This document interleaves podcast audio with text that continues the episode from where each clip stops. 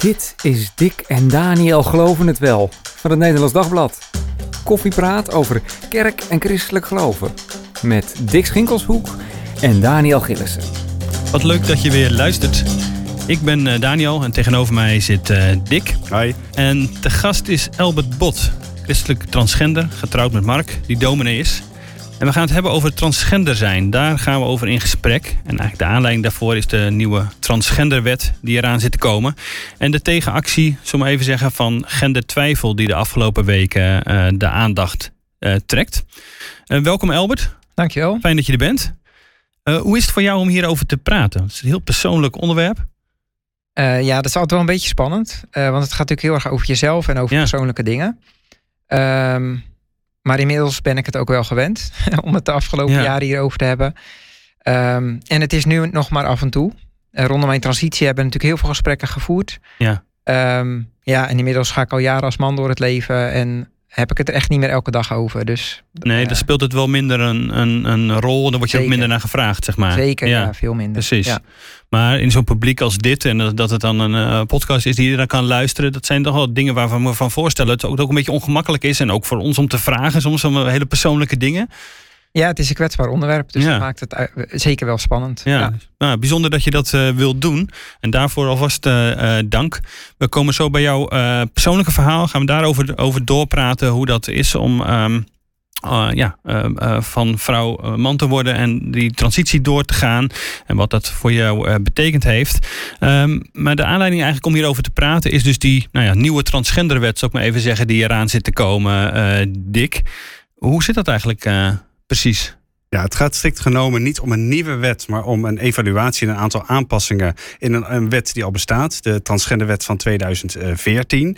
Kijk, je moet je voorstellen, het is in Nederland sinds 1985 is het mogelijk om in je geboorteakte, door middel van een aantekening, je geslacht te, uh, te veranderen. En vervolgens kwam dat dan ook in paspoorten en zo, uh, en zo terecht. En dat had nogal wat voet in de aarde. Want dus vanaf de jaren tachtig was ook de regel dat je lichaam zo ver mogelijk medisch aangepast uh, moest zijn hè, aan dat nieuwe geslacht. Uh, je mocht ook niet meer in staat zijn om, om kinderen te krijgen. Dus je moest mm. gedwongen gesteriliseerd zijn. En tot 2001, dus tot het, de openstelling van het, van het huwelijk voor mensen van gelijk geslacht, hè, het homohuwelijk zoals ze dat meestal noemen, moest je bovendien officieel scheiden van je man of je, of je vrouw. Nou, dat is in 2014 is dat, is dat allemaal aangepast in een hele grote nieuwe transgenderwet. En uh, daar is die eis van die medische behandelingen onder meer komen te vervallen. Hè? Dus je mag dus lichamelijk gezien een man zijn, maar je mag je wel als vrouw laten, laten uh, registreren of oh ja. andersom. En daarvoor was dan uh, een officiële verklaring nodig van een, van, een, van een psycholoog of een behandelend arts. Zeg maar dat dat niet een soort bevlieging van je, uh, van je, van je was, dat, dat, maar dat dat echt dat je al een hele tijd zo voelde. En je moest minimaal 16 zijn. En vooral die, die laatste twee beperkingen, zeg maar, daar hebben bijvoorbeeld organisaties als Transgender Netwerk Nederland zich al een hele poos tegen gekeerd. Hè? Want waarom moet nou een ander bepalen hoe jij je voelt, hè? een man of een vrouw? Waarom moet een deskundige zeggen of dat zo is? En waarom moet je daar per se uh, 16 voor zijn? Want waar, naar welke leeftijd gaat het nu? Nou, er is nu het voorstel. Er zijn een aantal uh, voorstellen. De eerste is dat tussen 12 en 16 het mogelijk moet worden om al uh, die letter M of V in je paspoort uh, aan te passen. Er komt bovendien dan nog een derde optie bij... dat dat dan ook een, een, een X kan zijn bijvoorbeeld. Als je je man ja, non-binair. Uh, en tussen 12 en 16 jaar moet, moet wel de rechter daar iets over zeggen. Uh, en ook die, die, die zogenaamde uh, uh, deskundige verklaring die verdwijnt. En in plaats daarvan moet je zelf een brief schrijven naar de, naar de gemeente waar je woont. Naar de ambtenaar van de burgerlijke stand. En dan zeg je, ik wil graag nu voortaan, ik, ik was man, maar ik wil voortaan als, als, als vrouw geregistreerd worden. en dat moet je dan na een aantal weken moet je opnieuw een brief sturen. Om ook weer om te laten zien dat het niet een moment is waarin je dat bedacht hebt, maar mm. dat je dat echt structureel wilt. Ja, dus het is niet zomaar, ik loop naar de balie en zeg, laat me wat anders ik wil nu als vrouw door het leven, geef mij een V, dat dat zomaar gebeurt. Nee, nee, nee precies. Je moet, dus, je, moet, je moet dus een tweede brief, het moet sowieso schriftelijk ja. straks. Het hoeft dus niet meer bij de, bij de gemeente waar je geboren bent. Het was tot, tot, tot, oh ja. tot het moment dat je je geboorteakte moest laten aanpassen, was dat, uh, was dat nog zo. Maar uh, dat mag dus nu in de gemeente waar je woont. En dat mag je twee keer doen. Staat nu in het voorstel. En dan wil je de derde keer, dus wil je voor een derde keer je geslacht veranderen, dan laten, tenminste de, de registratie, daar hebben we het natuurlijk over, de mhm. registratie bij de overheid, dan moet dat, moet dat via de rechter. Dat, is dat gebeurt blijkbaar meerdere keren. Dat er mensen zijn die dat vaker doen. Ja. Althans, de wetgever wil daar rekening mee houden op die manier. Ja, ja. Was het voor jou, Albert, belangrijk om die uh, V in een M te laten veranderen? Was dat echt een, was dat een ding, zou ik maar even zeggen? Nou, eerlijk gezegd niet. Ehm, omdat het me niet zo heel veel kan schelen wat er in mijn paspoort staat. Uh, wat voor mij veel belangrijker was, ehm, ja, dat ik als man door het leven kon gaan. Ja. En dat deed ik al op het moment dat ik mijn paspoort heb laten aanpassen. Uh, alleen de praktische gevolgen ervan zijn wel heel prettig als het met elkaar klopt. Uh, want officiële instanties kunnen je geslacht niet aanpassen als je dat vraagt. Hmm. Dus dat betekent dat als ik naar de huisarts ga en daar als man in de wachtkamer zit en dan um, ze omroepen, uh, mevrouw Bot, u mag komen. en dan sta ik op. Ja, dat is super ongemakkelijk en heel raar. dus juist die praktische dingen is het heel fijn als je, um, zeg maar, je officiële geslacht bij de burgerlijke stand in overeenstemming is met hoe jij door het leven gaat. Omdat dan, ja, ja. Je, al die praktische dingen gewoon kloppen. Ik vind dat wel heel interessant, want ik dacht even eh, toen we deze podcast aan het voorbereiden waren, we, ja, het gaat om een letter in je paspoort, je letter bij de overheid. Wat maakt het uit mhm. eigenlijk? Maar jij zegt, maar er zitten heel erg veel kleine consequenties aan vast. Bijvoorbeeld dat, uh, dat meneer of mevrouw genoemd worden bij officiële ja, Ja, inderdaad, ja. En zo kreeg ik bijvoorbeeld een oproep uh, voor dienstplicht. En ook daar vrijstelling van, omdat ik nu als man geregistreerd sta. Oh, dat vond ik wel weer grappig. Ja. Uh, maar het is inderdaad die praktische dingen waarom je het graag wil. Althans, wordt toch een soort met terugwerkende kracht. Ja, precies. omdat je natuurlijk dan uh, uh, iedereen vrijgesteld is van die uiteindelijk van die dienstplicht. Omdat het uh, die, die, oproep die, die geldt dan niet meer. En dat werd dan met terugwerkende kracht nog hersteld, zeg maar, voor jou. Klopt, ja, klopt, ja. Ja, ja want inderdaad, je denkt wel ook wel eens van waarom staat het überhaupt op een paspoort? Hè? Er zijn allerlei andere manieren om goed uh, te weten of de persoon die, die het paspoort vast heeft ook degene is die die zegt te zijn. Uh, er zijn allerlei biometrische gegevens in een paspoort. Dus net als je lengte, dat staat er ook in. Nou, ja, dat geslacht is eigenlijk helemaal niet relevant in die zin voor je identificatie. Nee. nee. Maar goed, die registratie bij, uh, bij de burgerlijke overheid is wel relevant. Dus wat je zegt voor al die uh, andere momenten dat dat aan de orde komt en dat je dat, uh, dat weet. Dus daarvoor was het wel relevant. En uh, Dick, wanneer wordt die, die wet behandeld? Is dat al helder? Ja, die wordt binnenkort, het is een, een initiatief van D66, wordt binnenkort behandeld in, de, in de Tweede Kamer. Je hebt ook al meteen gezien dat nu, nou, nu die aanloop eraan komt en nu ook helder is, dat is eigenlijk al sinds vorig jaar zo, wat dan de plannen zijn om te, om te veranderen. Dat er, een, dat er mensen zijn die daar bezwaar tegen hebben. Je hebt een, nu een, is een, een actiegroep in ieder geval is een manifest gekomen, gendertwijfel. Uh, die zegt, ja, moeten we dit wel, moeten we deze wijzigingen willen? Uh, bedoel, die bestrijden op zichzelf niet het feit dat het mogelijk moet zijn of iemand in transitie gaat uh, of niet. Maar of, je, of het nu niet door deze nieuwe wet wel niet heel erg makkelijk wordt gemaakt of niet. of er niet mensen zijn die op deze manier onnodig nou, gaan, gaan twijfelen. Met name, het gaat natuurlijk over jongeren, hè? dat die grens van 16 naar 12 wordt aangepast. Uh, ja, veroorzaak je in dat, in dat, oh, wat is het, dat toch al zo wankele puberbrein af en toe niet, uh, niet nog meer onrust? Ja. Nou, voordat we daar naartoe gaan, om dat even te bespreken, van wat zijn dan die voor- en nadelen, ook hoe jij, Albert, daarnaar uh, kijkt, is het goed om even naar jouw persoonlijke verhaal te gaan. Mm -hmm. jij bent geboren als Elsbeth. Um, en bent ja, sinds 2020 officieel, ja. Albert, officieel als, als man door het leven. Um, kun je iets vertellen over hoe dat inderdaad misschien ook wel in je puberteit, hoe dat, hoe dat uh, was? Merkte je aan jezelf al van hé, hey, maar uh, hier klopt iets niet? Ja, ik had het eigenlijk vooral al als kind. Dat ik uh, ook zei van ja, ik wil een jongetje zijn. En zo voelde ik me ook. en in de puberteit werd dat lastiger, omdat je dan natuurlijk ook een lichamelijke ontwikkeling doormaakt. Ja. En je vriendjes willen opeens niet meer met je spelen, want meisjes zijn stom. Um, dat is niet eh, waar, hè? Maar... nee, Even voor de helderheid. uh, maar toen kwam ook meer die scheidslijn, zeg maar, tussen man-vrouw. En ja. Um, um, ja, toen werd dat voor mij ook, ook lastiger. En, ja. Kijk, ik wist niet dat er zoiets bestond als transgender zijn. Um, Want dat zat niet in jouw hoofd, dat zat niet in jouw omgeving. Dat, je had geen mensen die dat ook waren. Nee, dus ik, ik, ik had alleen het idee van ja, ik voel me jongen en help. Uh, die vrouw wil ik niet worden en daar ben ik ook niet. En het zorgde ook voor heel veel ongemak, omdat ik dan vriendinnen had, maar dacht ja, ik snap jullie niet, ik ben niet wat jij bent. Hm. Ehm, dus vooral veel verwarring. Ja. Um, maar denk je dat gewoon zeg maar, niet dezelfde, dat je niet met dezelfde vragen zat, dat je niet over dezelfde dingen nadacht als, als waar zij mee bezig waren. Uh, op alle vlakken matcht het dan eigenlijk gewoon niet. Ja, dat inderdaad, ja. En ook dan zag ik uh, jongens man worden en dat ik dacht, ja, ja dat, dat wil ik ook of zo. Ja, ja dat, dat ben ik. Uh, en bij mij klopt het niet. En, en wat, wat, wat deed je, of kon je daar toen mee? Of wat gebeurde er dan eigenlijk met je? Als je dat, als je dat voor jezelf constateert, van hé, hey, je gaat, uh, gaat iets niet goed. Ik wil die jongen zijn. Ja, daar kon ik niks mee. Um, en ik schaamde me er ook voor. Uh, ik kende ook niemand die dat had of was. Um, ja, en ik moest als meisje door het leven. Dus ergens probeer je daar dan die gevoelens weg te stoppen. Mm -hmm. En um, je aan te passen. Uh, in de hoop dat je niet door de mand valt. En, en er zo mee te leven. En niet door de mand valt, wat bedoel je daarmee? Um, ja, ik weet niet. Ik was altijd bang dat mensen dan door hadden dat ik toch geen vrouw was of zo. Oh ja. Om, omdat ik me zo niet voelde en, Ja. uh, en het niet was. Een soort geheim wat je dan uit ook een soort met je meedraagt of zo. Wat je, Ja, zoiets. Ja, Ja. ja. Ben je verliefd op jongens? Uh, ja, dat wel. Ja, ja. Ook wel eens wat gevoelens voor meisjes gehad, maar toch voornamelijk op jongens. Ja. Ja. En eh, nou, dan komt er een moment, want je, je, je trouwt op een gegeven moment. Gewoon echt helemaal in het, ja, het vrij klassiek spoor, zou je, Ja, zou je ja, kunnen klopt, zeggen. Dat, klopt. Heb, dat heb je dus eigenlijk een hele poos volgehouden op die manier.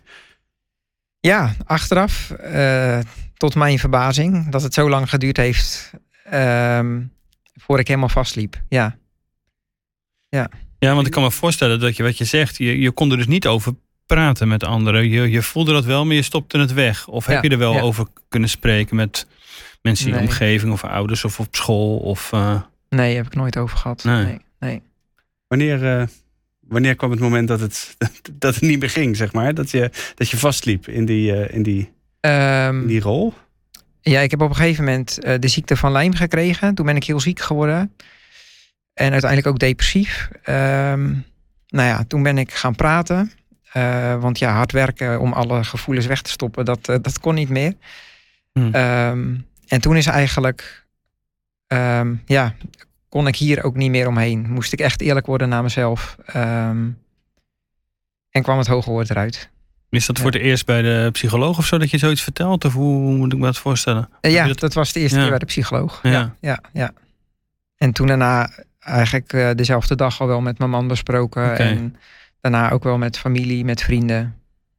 Ja, Dus toen het eenmaal eh, dat hoge woord eruit was, kon het niet anders dan je het ook, eh, nou ja, direct al met, met, met je man Mark, maar daarna toch de, dat, dat je de openheid zocht, zeg maar.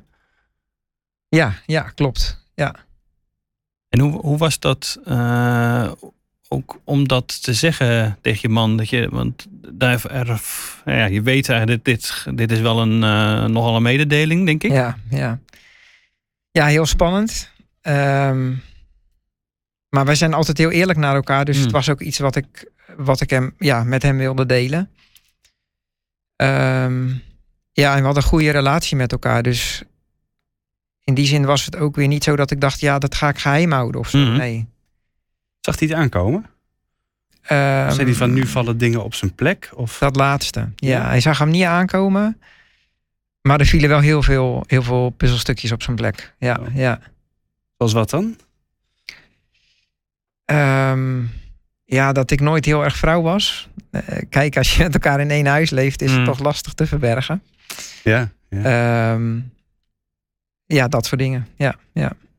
En dan is het daar vandaan naar daadwerkelijk in transitie gaan, is ook nog een hele stap.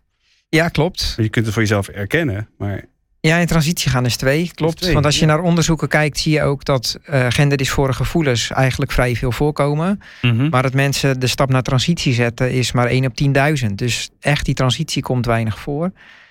Ehm, en ja, dus ik heb ook een periode gehad dat ik dacht, ja, maar ik ga niet in transitie. Dat, dat, ehm, ja, dat wil ik mijn gezin ook niet aandoen. En ik overzag dat niet. En ik wist ook niet zo goed wat het inhield. Ehm, dus ik heb inderdaad ook een periode gehad waarvan ik dacht, nee, ik ga eh, proberen te dealen met die gevoelens Mhm. en, en, en met dit gegeven. Ja. Ja. Want je hebt twee kinderen met Mark. Dat, uh, ja, uh, dat is wat je ook als wat je bedoelt met gezin. Dat je met, met z'n vieren natuurlijk dat hebt. En um, dus daar, ook daarin, je bent rekening houden met jezelf, rekening houden met Mark, rekening houden met je kinderen. Dat is één zoektocht dan even weer hoe je daarmee omgaat. Ja, een enorme zoektocht. Ja, ja. Hoe, hoe, ja? Ja, ja, want transitie, in transitie gaan doe je niet alleen. Je hebt altijd met je omgeving te maken. Ja. Waardoor dacht je van, nou, dit, dit is onontkoombaar. Hier moeten we, ik, moet, ik, moet in transitie. Want even voor de helder, die transitie is net dat je fysiek ook uh, uh, geopereerd wordt. En dat heeft natuurlijk heel veel gevolgen. Dan ga je, dan moet je, ehm, je, je, je past je lichaam aan, zeg maar zeggen, mhm. aan het man zijn. Um, waardoor dacht je van, oké, maar dat ga ik nu echt wel doen? Het lukte me niet om als vrouw door het leven te blijven gaan. Als eenmaal de kogel door de kerk is en je hebt het echt eerlijk erkend voor jezelf. Ehm, ja, ik liep gewoon helemaal vast. Het, werd, het, het was al een toneelspel en het werd het alleen maar meer. Want ik, ja, ik zit de schijn op te houden. Ik, ik loop me te verkleden in vrouwenkleren. Um, ja, precies. Verkleding en vrouwen, vrouwenkleren. Dat, dat is hoe het voor mij voelde, ja. ja. Uh, het, het lukte me gewoon niet. Nee. nee. En ik begreep ook uit een interview wat je ook uh, gegeven hebt, dat Mark ook zegt van oké, okay, ja, ik ben uh, op. Ik hou van, van Elbert, ik hou van hoe jij van binnen bent, zeg maar. Mm. En dat mm. heeft jullie ook bij elkaar gehouden, als ik het dat goed las. Ja, klopt, klopt. We hebben eigenlijk dat hele proces wel samen doorgemaakt. Uh, ook omdat we vanaf het begin af aan er heel goed samen over hebben kunnen praten.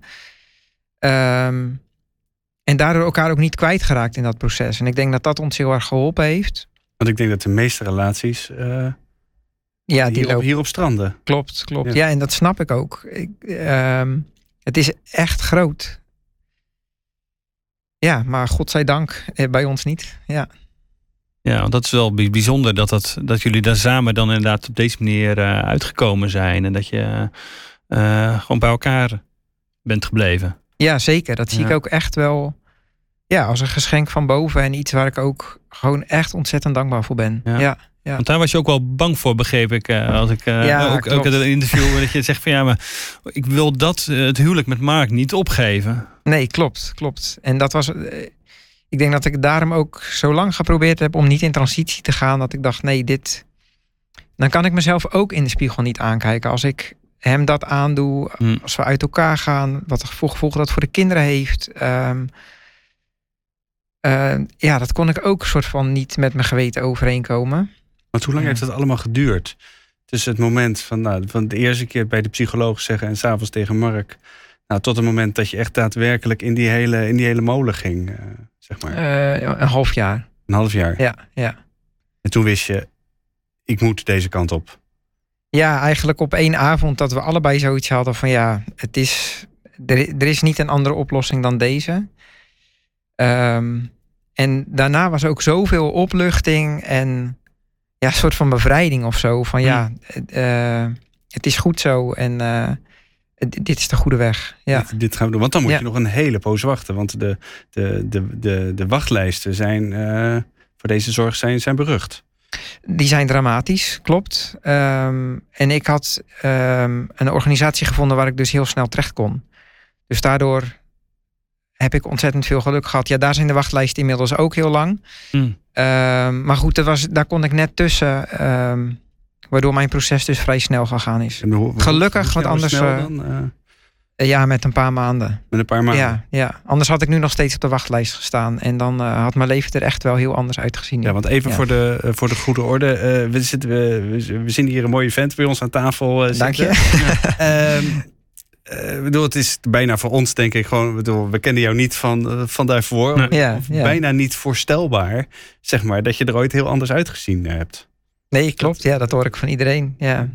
Want als je naar jezelf in de spiegel kijkt, uh, ben je er inmiddels helemaal aan gewend? Is dat, ben jij dit? Of is, denk je ook al eens van, wow, ik ben nog heel erg veranderd? Hoe, hoe gaat dat met je, met je zelfbeeld? Um, nou, op het moment dat je hormonen gaat gebruiken, kom je zeg maar gewoon in de jongenspuberteit. Dus die veranderingen gaan heel langzaam. Uh, en in het begin is dat heel irritant, maar het is eigenlijk heel goed. Want daardoor kun je gewoon langzaam wennen aan je veranderende uiterlijk. Um, nou, en wel de eerste keer dat ik naar de kapper ging en met dit kapsel thuis kwam, uh, stond ik wel echt heel breed te lachen voor de spiegel. Ja, ja dus dat je heel blij bent. Uh, ja. Ja, ja, ja, ja, klopt. Een soort uh, wedergeboorte. Ja, zoiets.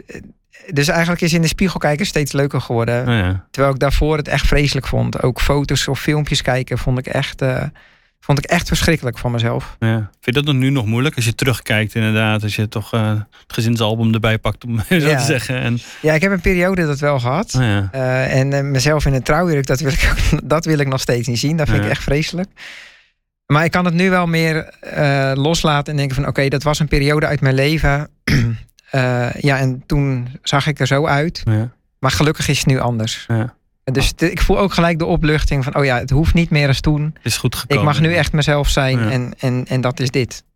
Had het anders kunnen gaan uh, als je terugkijkt? Als je nou ja, naar jezelf inderdaad in de puberteit en denkt, als ik in een omgeving had gezeten waar ik er wel over had kunnen praten en dat ook had gedurfd, um, ja, was mijn leven misschien wel anders gelopen. Hoe kijk je daarnaar? Ja, daar heb ik uiteraard wel over nagedacht. En ook wel soms boos geweest dat ik dacht, ja, waarom is het niet anders gegaan? Uh, en ik ben nu wel op een punt dat ik ja, dat geaccepteerd heb dat mijn leven zo gelopen is. En um, kijk, we hebben samen twee kinderen. En ja, dat is iets fantastisch om samen te hebben waar ik onwijs dankbaar voor ben. Mm -hmm. Ja, en dat eh, geluk heb ik achteraf gezien gehad dat het zo gelopen is. Ja. Uh, ja. Dus het is wat het is. Ja, en, uh, het leven ook. Hoe heeft jullie omgeving uh, gereageerd op jou? Ik kijk, op het moment dat, je, uh, dat jullie het over hadden, wisten natuurlijk een heleboel mensen in je omgeving het nog niet. Op een gegeven moment dat je voor het eerst naar buiten komt nadat je naar de kapper bent geweest of nadat je uh, wat is het, hormonen bent gaan slikken, mm gaan mensen het wel aan je zien. Ja, dus ik heb iedereen uiteraard van tevoren ingelicht. En ik heb niet opeens op mijn werk gezegd van hallo, nu ben ik Elbert.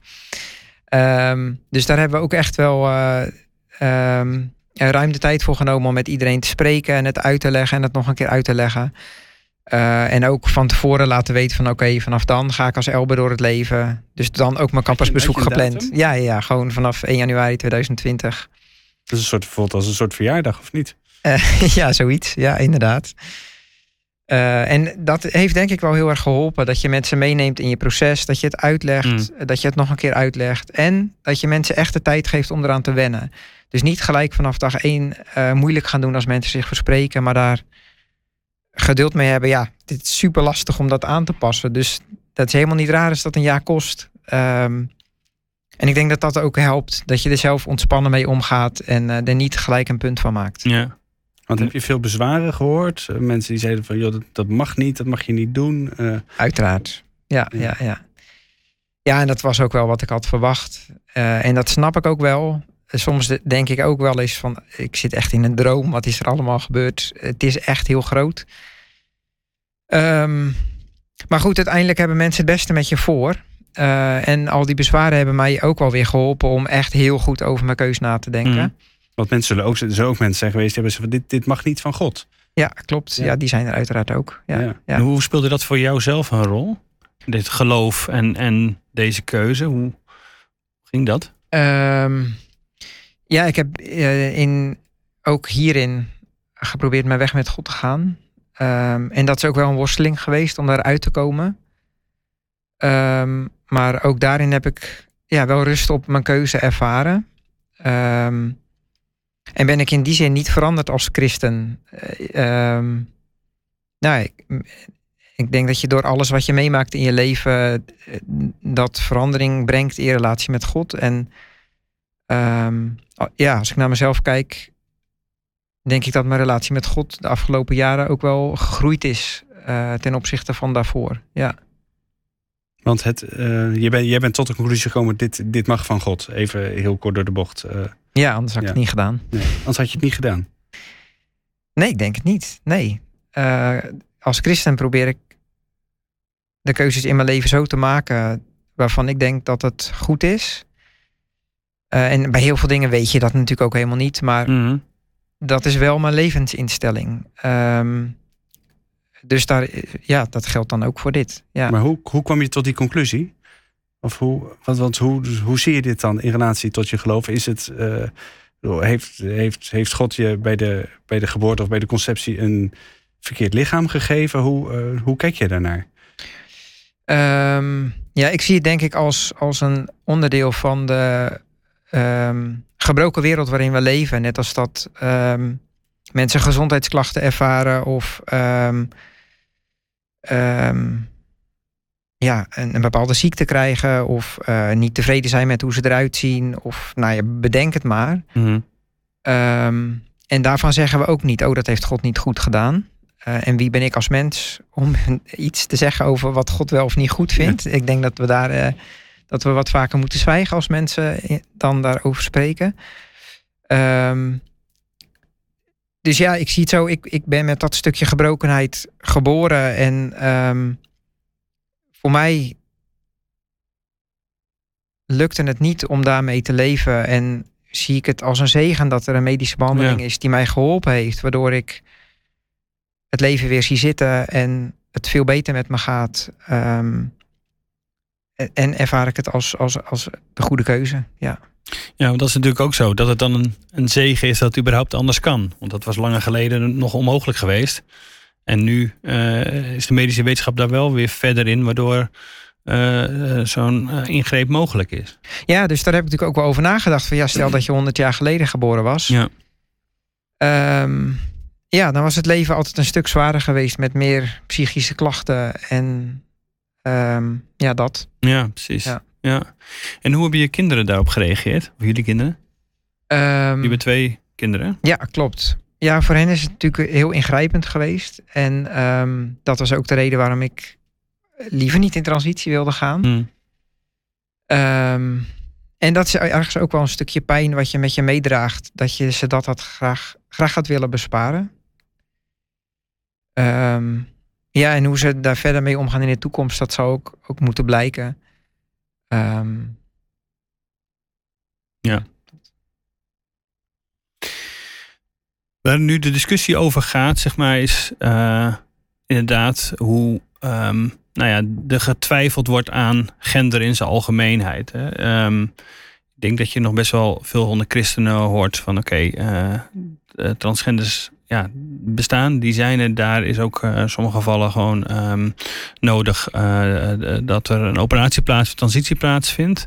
Um, heel veel christelijke ethiek bestaat die ruimte al. Je hebt bijvoorbeeld de, de, de, de bekende uh, vrijgemaakt gereformeerde uh, ethicus Jochen Dauma, die al in 1986 zegt van nee, dit, hier moet gewoon ruimte voor zijn. Dit is, dit is een behandeling die, waar je in ieder geval vanuit christelijk perspectief gezien geen, geen onoverkomelijke bezwaren tegen kunt uh, hebben. Dus die ruimte zeg maar, op zichzelf voor transitie mhm. is er eigenlijk nou ja, altijd al geweest wil ik niet zeggen. Want we constateerden net dat natuurlijk bedoel, de, de mogelijkheid nog maar zo ontzettend kort bestaat.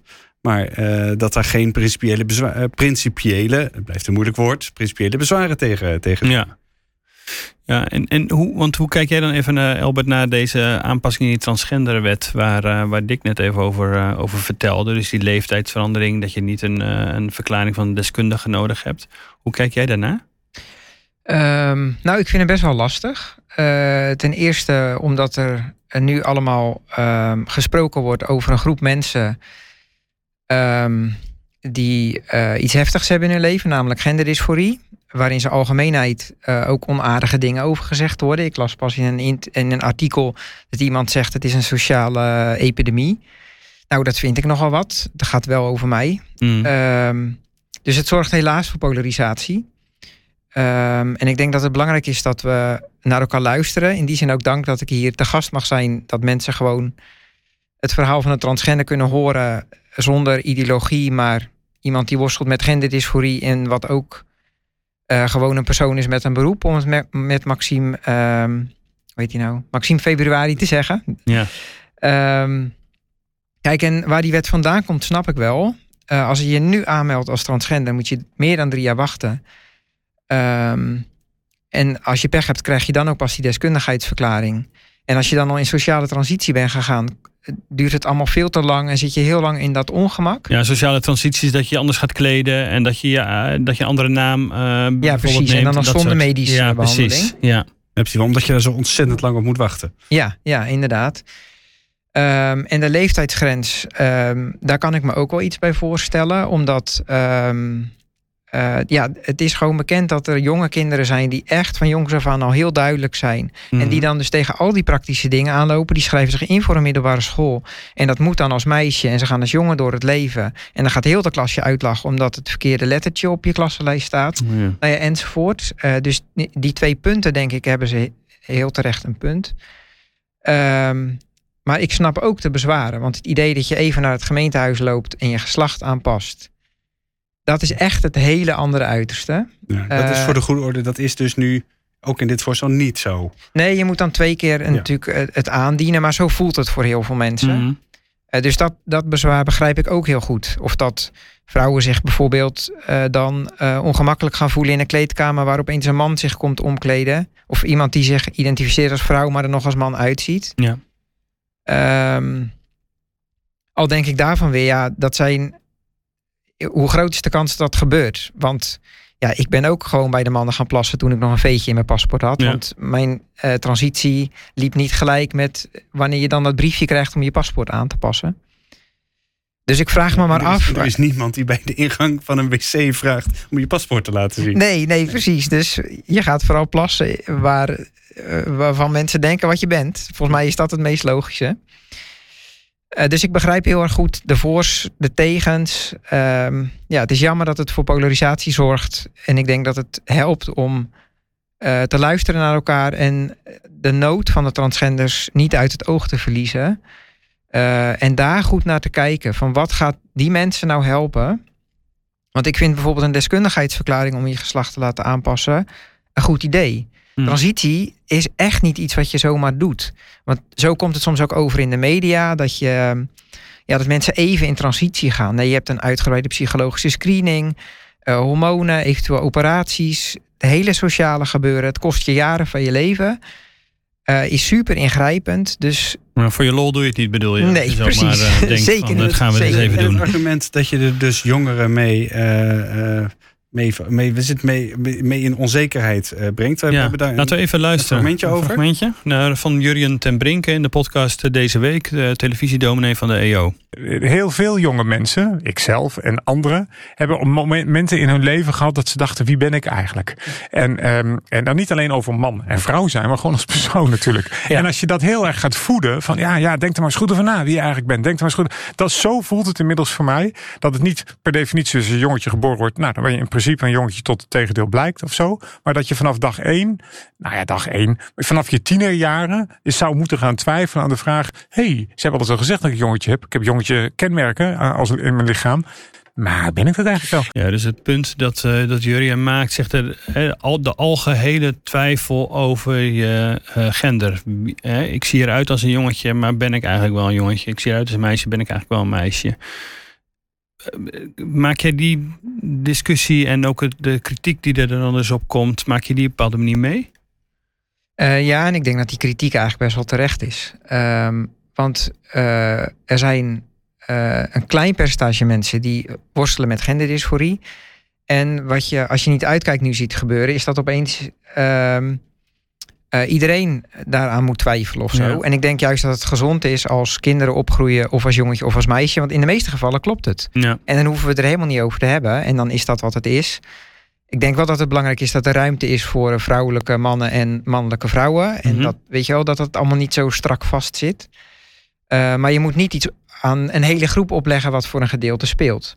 Alleen ik zie dat zelf in mijn omgeving niet gebeuren. Op school of ja, daar heb je jongens en daar heb je meisjes. En um, daar zie ik niet een bepaalde ideologie in doorgedrongen of zo. Nee, ze moeten het probleem ook niet groter maken dan het daadwerkelijk is. In de praktijk uh, speelt op scholen, uh, dat bedoel je minder zie je dat het, dat het jongens en meisjes uh, zijn en dat het op die manier benaderd wordt. En is het niet zo dat tegen iedereen maar wordt gezegd, nou ja, je moet eerst een keuze maken wie je wil zijn. Uh, ja, ik maak dat zelf niet mee. Uh, en ik zou het ook een slecht idee vinden. Want in transitie gaan is helemaal niet leuk. Dus alsjeblieft, als het niet hoeft, moet je het vooral niet doen. Nee. Uh, want het heeft heel veel gevolgen. Nee, in transitie gaan is natuurlijk nog wel de, echt de, de volgende stap inderdaad die je hoort. Maar je ziet wel onder, we bij Dick het ook wel eens over gehad hier in de wandelgangen. Dat je op scholen wel soms die discussie meer krijgt. Zeker op middelbare scholen. Van ja, hoe identificeer jij jezelf? En dat daar toch wel over getwijfeld wordt en dat, uh, dat je dat wel een soort ziet toenemen. Ja, vooral ook. Uh, kijk, en daar, komt, daar raakt het natuurlijk aan, de, aan de, de nieuwe transgenderwet. Overigens, al sinds 2014 is het zo dat er geen medische behandelingen noodzakelijk zijn om je uh, geslacht te laten aanpassen uh, bij de overheid. maar ook toen werd al gezegd, en nu komt dus dat hele argument weer opnieuw terug. Dat betekent dus dat als jij het bedenkt, als je je een bepaalde manier voelt, dat dat voldoende is om, uh, om je geslacht aan te passen. Maar even uh, voor de goede orde. Ik heb even, even opgezocht om hoeveel mensen het nou uit, eigenlijk gaat. In 2018, dat was het meest recente getal dat ik kon, kon vinden... ging het om 640 mensen in een heel jaar. Dat zal, dat zal best een beetje stijgen. Dat wil, ik, dat wil ik zonder meer geloven. Dus laat het er nu duizend zijn. Maar om meer dan duizend mensen gaat het dus niet. Nee. Maar dus de stijging, daar is altijd even de vraag van waar komt dat vandaan? Is het inderdaad een intrinsieke motivatie in mensen om dat te doen? Of is er een soort sociale uh, druk om, om nou ja, dat die twijfel gevoed wordt? Dat is, dat is nu een beetje de, de, waar het gesprek ook naar aanleiding van gendertwijfel, die daar dus met uh, via nou ja, bushokjes en abris en zo allemaal reclame voor maakt, een beetje wordt gevoed. Ja, dus ik heb het idee dat dat een beetje voortkomt uit uh, angst. Um, waardoor dingen, naar mijn gevoel, ook weer groter gemaakt ja. worden dan ze zijn. En wat je natuurlijk altijd met een emanci emancipatiebeweging ziet, is dat ze eenzijdig is. is dus ja. um, er wordt hier ook gevochten voor rechten van mensen die zich onderdrukt voelen of waar niet genoeg ruimte voor is, waardoor het ongenuanceerd is. En wat je vaak ziet is dat mensen uit pijn reageren door afwijzing die ze meegemaakt hebben. En het is een hele kunst om je daar niet door te laten leiden en ook naar het maatschappelijk belang te kijken van een bepaalde wetgeving bijvoorbeeld. Ja. Uh, als het om één specifieke doelgroep gaat. Ja. Uh, dus ja, wat mij betreft um, ligt de waarheid ergens in het midden, zeg maar. Ik kan er echt nog wel wat verbeteren in de wetgeving, maar hoeft het niet gelijk zo extreem te zijn. Nee. En hoe kunnen we in, uh, doen we het even uh, christelijke kring, maar als christenen onderling daar ook daarmee uh, omgaan? Wat is, want je wil, wat je ook al zei, er zijn uh, jongens of meisjes die al vanaf heel jong weten van hé, hey, dit, uh, dit zit niet helemaal goed. En, en dat je daar aandacht voor hebt, dat je dat ziet, zonder misschien het hele collectief ter discussie te stellen. Mm -hmm. wat, wat adviseer jij daarin? Um, wat ja. heeft jou geholpen? Uh, nou ja, om liefdevol met die mensen om te gaan. Ik denk om te luisteren naar hun verhaal. Uh, en om niet te veroordelen. Ik heb zo vaak door christenen LBTI'ers horen veroordelen. Um, dat het heel moeilijk is om er dan over te praten. Ja. Want je weet, je hoort al die oordelen al in je hoofd van de mensen. Wat je al gehoord hebt, wat in zijn algemeenheid gezegd is. Uh, dus dat is denk ik het goede, dat er meer openheid over dit thema is. Um, dat er over gepraat wordt, dat er ook ruimte is om, om toch te delen uh, met je worsteling. Dat je toch met je worsteling durft te komen. Dat je toch durft te zeggen dat je homo bent of dat je transgender bent of, of wat dan ook. En daarvoor is het dus eigenlijk wel belangrijk om te weten dat het überhaupt bestaat. Wat jij zei van ik wist eigenlijk niet eens dat het bestond. Voor mijn kinderen geldt dat ze dat wel uh, al in hun tiende jaren en, en misschien al wel vroeger meemaken. Ja. In ieder geval erover ja. horen.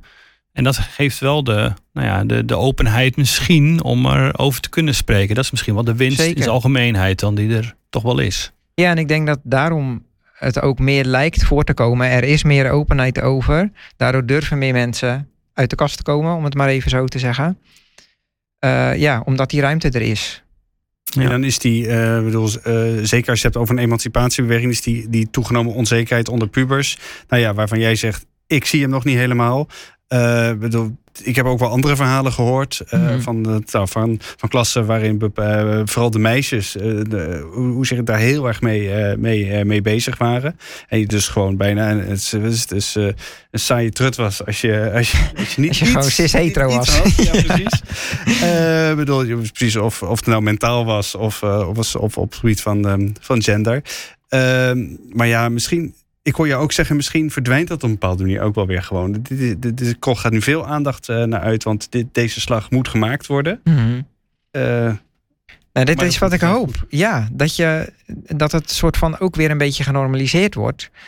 Uh, want ik wil helemaal niet iemand zijn die dan of bijzonder is of raar of wat dan ook. Ja, ik ben gewoon Albert. Ik ben vader, echtgenoot, IC-verpleegkundige, van alles. Um, en er is veel meer in het leven dan dit. Dus een bepaalde normalisatie helpt, denk ik. En dan hoeven we er ook eigenlijk niet meer zo vaak over te hebben. Nee.